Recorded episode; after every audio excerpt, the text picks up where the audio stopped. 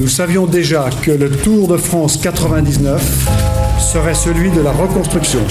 3 juli 1999 gaat de geschiedenis in als de dag van de wederopstanding van de Tour. Als deze Tour de France de verkeerde kant op gaat, opnieuw schandalen en, en al dat soort dingen. Lance Armstrong has made a magical return to the Tour de France.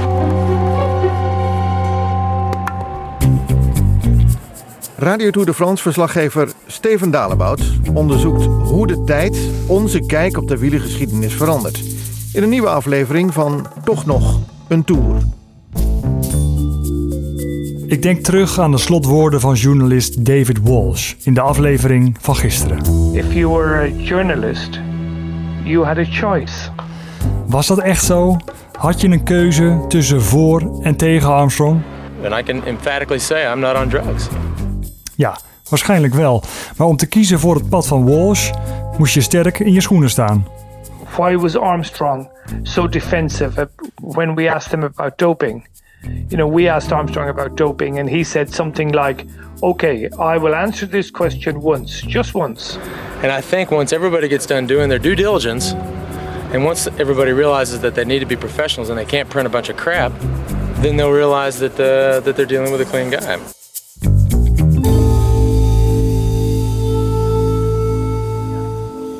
Ik was eerlijk gezegd, maar dat is, dat is gewoon uh, voortdurend inzicht, destijds niet wantrouwend genoeg. Dit is Jeroen Wielaert. Hij was in 1999 verslaggever voor Radio Tour de France. Uh, dat waren ze wel bij Le Monde en David Walsh.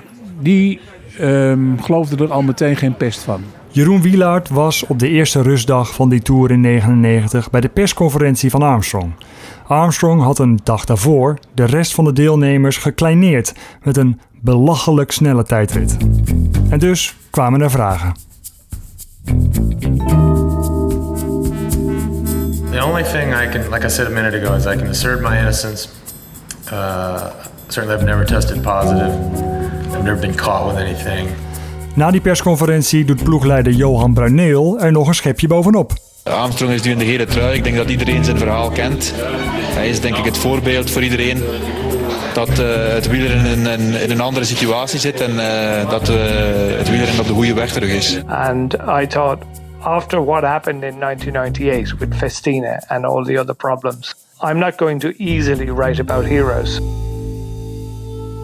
Op EPO werd in 1999 nog niet getest, dus daarop werd Armstrong ook niet gepakt. Maar hij leverde wel een positieve test in voor corticosteroïden. It turns out I was using some uh, cream for a, what we call a saddle sore. And... De Franse krant Le Monde schreef erover en Armstrong ging in de slotweek van de Tour in de tegenaanval. The French press uh, declared me positive and said that uh, and basically called me a doper. In David Walsh' boek L.A. Confidential vertelt soigneur Emma O'Reilly dat de zaak werd opgelost door een geantidateerd doktersrecept op te stellen voor een zitvlakblessure. De UCI accepteerde dat.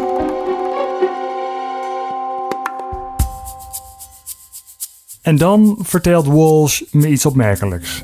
De journalisten van L'Equipe geloofden in 1999 ook niks van het verhaal van Armstrong. Pierre Ballester and uh, Jean-Michel Rouet, they were two important writers on cycling for L'Equipe at this time. En die krant was ook kritisch. They both, they both felt that Armstrong was doping. And that they reflected that in their, in their work. Maar de macht van de sportbobo's liet de inkt in hun pennen opdrogen. L'Equipe en de Tour de France, ze zijn onderdeel van dezelfde organisatie.